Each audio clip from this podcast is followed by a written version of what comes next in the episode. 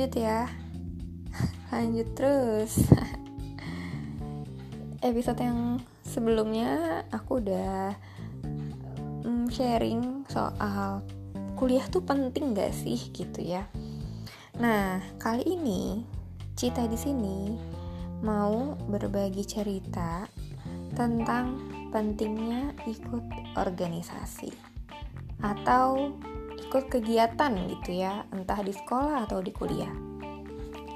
Oke, jadi teman-teman, hmm, aku disclaimer dulu kali ya, aku bukan aktivis, bahkan di kampus itu aku nggak ikut kegiatan, sangat pasif. Kenapa pasif? Teman-teman bisa dengerin podcast episode yang bisnis di umur 18 tahun. Nah, aku udah ceritain semuanya di situ ya. Aku cerita dari mana ya? Pakai alur alur maju atau mundur ya? Ya sengalirnya aja deh. Oke, jadi teman-teman uh, dulu zaman SMP itu aku aktif banget ikut pramuka. Sebenarnya dari SD itu udah seneng gitu ikut kegiatan. Cuma sayangnya SD ku tuh pasif, jadi nggak um, ada ekskul, terus pramuka juga nggak ada. Tapi aku seneng gitu kalau misalnya kayak kayaknya waktu itu pernah di sekali atau dua kali gitu ya ada pramuka terus disuruh bikin yel yel gitu. Terus uh, disuruh apa namanya disuruh beli bed regu sama benderanya gitu kan. Terus bawa tongkat kayak gitu loh. Tuh aku seneng gitu. Walaupun repot tapi seru ya kan? Nah terus aku lanjutlah uh, SMP di SMP itu aku aktif banget pramuka. Pengalaman pramukaku juga teman-teman bisa dengerin di episode pramuka. Ya aku lupa judulnya apa. Nah uh, ketika SMP itu aku seneng banget karena aku masuk sekolah yang bisa dibilang saat itu sekolah favorit ya. Cukup cukup bagus lah gitu dan yang bikin aku senangnya lagi adalah ternyata bukan cuma akademisnya aja yang oke okay, non akademisnya ternyata juga aktif banget gitu. Banyak ekskulnya terus berprestasi juga ekskul ekskulnya gitu. Dan ya udah akhirnya waktu itu aku ikut pramuka. Ikut pramuka dan ternyata aku enjoy banget walaupun capek. Terus waktu itu juga jadi pemimpin regu yang tanggung jawabnya besar terus uh, sering ada lomba juga gitu kan dan sebenarnya selain pramuka tuh aku juga sempat ikut ekskul yang lain juga waktu itu aku pernah ikut paskibra ya kan aku sempat singgung juga tuh di episode yang paskib eh pramuka maksudnya Terus aku juga sempat ikut English Club waktu itu percaya atau enggak. Terus aku lupa deh gimana ya ceritanya aku ikut English Club itu. Karena kayaknya bingung deh waktu itu mau ikut ekskul apa lagi ya gitu kan. Terus aku lupa kalau nggak salah teman sebangku aku apa ya dia ikut. Terus ya udah akhirnya aku ikut ikut ikut ikut deh gitu kan.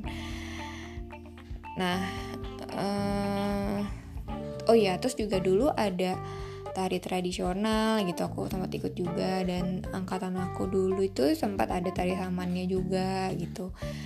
Ya pokoknya seru deh gitu. Aku seneng banget ikut kegiatan-kegiatan. Nah hobiku itu terbawa sampai SMA di SMA itu sebenarnya aku nggak semangat sekolahnya. Karena aku sekolah di sekolah yang sebenarnya aku nggak pengen sekolah di situ gitu. Makanya nggak terlalu semangat. Dan ketika aku masuk pun juga feelnya tuh gimana ya? Ya itu ya mungkin karena aku nggak pengen di situ jadi feelnya juga nggak enak gitu. Nggak sehappy ketika aku SMP kalau SMP tuh memang aku pengen masuk situ gitu dan ternyata masuk kan tapi SMA nggak tahu ya mungkin karena emang ibuku juga pengen aku sekolah di situ terus ya ya udahlah gitu doa seorang ibu. Akhirnya dikabulkan. Nah iya waktu itu nggak sempat nggak semangat karena uh, bukan aku bukan kemauan aku sekolah di situ. Terus um, cukup berasa senioritasnya juga. Um, bukan senioritas ya tapi lebih ke kelas sosial.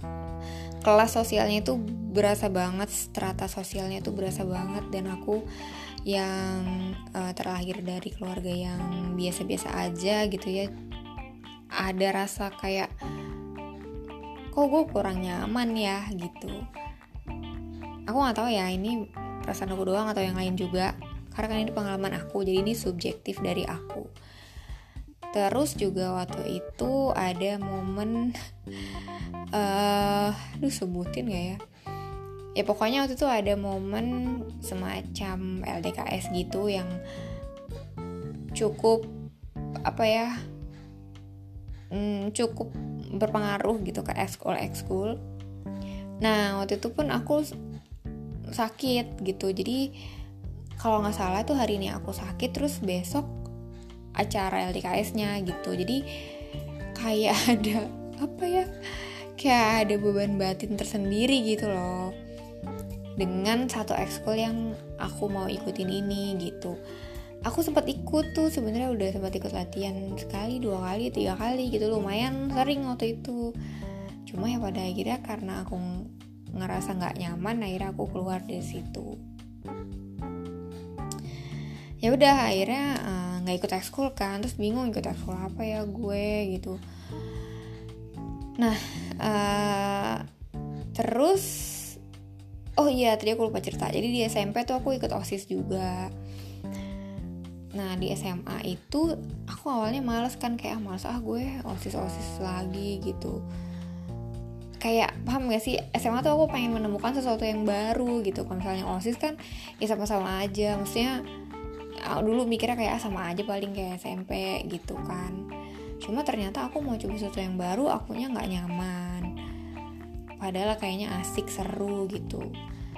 Nah sampai akhirnya kok jadi ceritain organisasi gue ya? Padahal aku mau ceritain efeknya gitu. Tapi ya udahlah nggak apa-apa. Sampai akhirnya um, ada seleksi gitu seleksi masuk osis dan itu tuh kayak udah beberapa kali pertemuan abis itu diklat gitu. Nah kalau abis diklat itu serah terima jabatan. Terus aku mikir kayak gue ikut aja kali ya daripada gue gabut gitu. Karena jujur aku tuh paling gak suka pulang sekolah langsung pulang gitu. Maksudnya kayak hampa banget ya hidup gue cuma sekolah pulang sekolah pulang doang gitu kayak nggak seru banget ya gitu. Kayak ada yang kurang gitu loh paham gak sih? Kayak hambar gitu. Nah akhirnya udah deh gue ikut deh gitu. Akhirnya aku, aku ikut lah osis waktu itu. Osis MPK nah uh, ikut semua prosesnya dan ternyata aku enjoy di situ. Teman-temannya juga enak orang-orangnya gitu. Dan aku merasa seru karena ada hal lain yang aku kerjakan selain mengerjakan tugas. Gitu. Nah waktu itu aku uh, masuknya ke MPK dan lagi-lagi dapat jabatan sebagai wakil ketua gitu. Kalau waktu SMP itu wakil ketua OSIS 2 waktu SMA itu wakil ketua MPK nah tadi karena niat aku pengen punya kegiatan baru suasana baru hal yang baru dan dikabulkan gitu kan masuk MPK wakil ketua pula itu menantangnya luar biasa sekali. Gitu. Nah dari berbagai organisasi yang tadi aku ikuti itu juga ada proker-prokernya gitu. Jadi kayak megang acara pensi terus aku jadi divisi acara terus uh, megang kegiatan osis ngediklat junior terus aku jadi apa itu ya? Lupa deh kayak gitulah. Jadi pokoknya banyak banget divisi-divisi yang aku pernah uh, lakuin gitu. Terus kayak ngatur rundown gebiar ekskul hubungin perwakilan-perwakilan ekskul dan perwakilan itu rata-rata kakak kelas. Wah yang kayak gitu-gitu deh aku udah ngalamin. Gitu. Nah di bangku kuliah sebenarnya aku tuh juga pengen. Aku punya impian waktu itu sebenarnya apa pengen ikut BMA terus pengen ikut kegiatan ini kegiatan itu. Apalagi kalau di kampus tuh kalau misalnya kita eksis di kegiatan itu tuh kita dikenal sefakultas gitu kayak satu anak fakultas tuh pasti tahu oh ini si ini ya anak ini gitu. Ya nggak bedanya dulu aku SMP lah SMP oh cita ya anak pramuka kayak gitu. Nah tapi karena situasi dan kondisi yang tidak memungkinkan karena waktu kuliah itu aku uh, dihadapkan dengan kehidupan yang struggle dan aku harus mencari uang. Sebenarnya mengharuskan diri aku sendiri sih karena aku ingin survive aku ingin tetap jalan kuliahnya tetap bisa berkuliah dan aku bisa tetap ingin bisa tetap jajan gitu. Jadi waktu itu aku punya dua pilihan mau tetap lanjut organisasi atau stop organisasi tapi punya uang gitu. Akhirnya dengan berat hati aku memilih yang kedua. Sedih sih.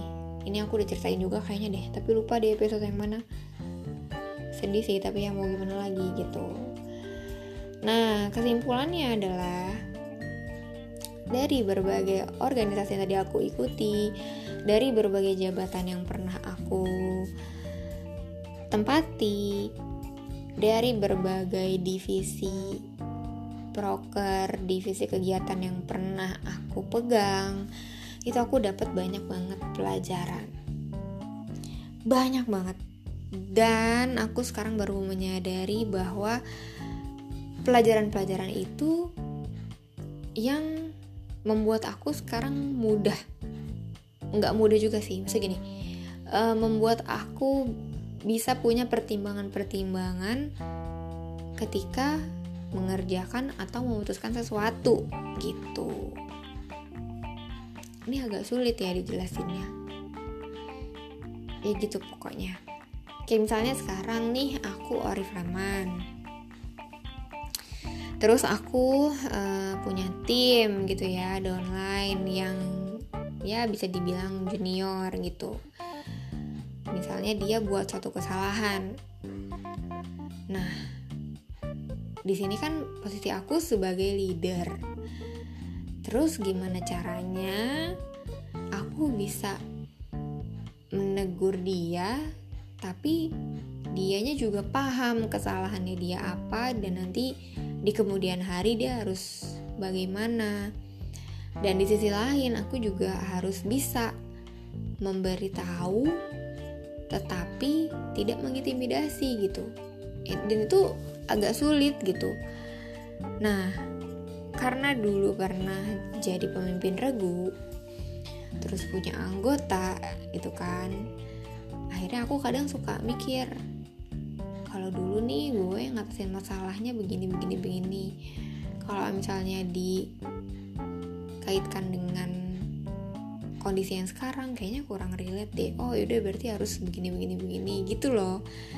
Dan menurut aku itu ilmu yang mahal banget. Yang nggak didapat dari bangku sekolah.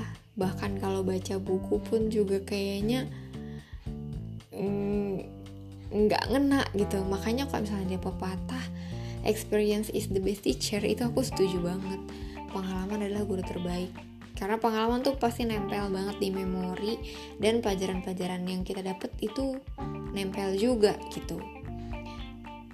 Dan sekarang akhirnya aku menyadari bahwa oh jadi kalau misalnya ada orang atau leader di mana pun profesinya apa pun ini aku nggak spesifik leader oriflame atau apa ya pokoknya siapa pun deh siapa pun apa pun di mana pun kalau dia dihadapkan dengan suatu masalah kemudian dia terkesan bosi atau terkesan nggak mau kalah atau terkesan kok kayaknya nggak bijaksana ya? Nah mungkin bisa jadi itu karena dia tidak berpengalaman ikut organisasi atau kepanitiaan gitu.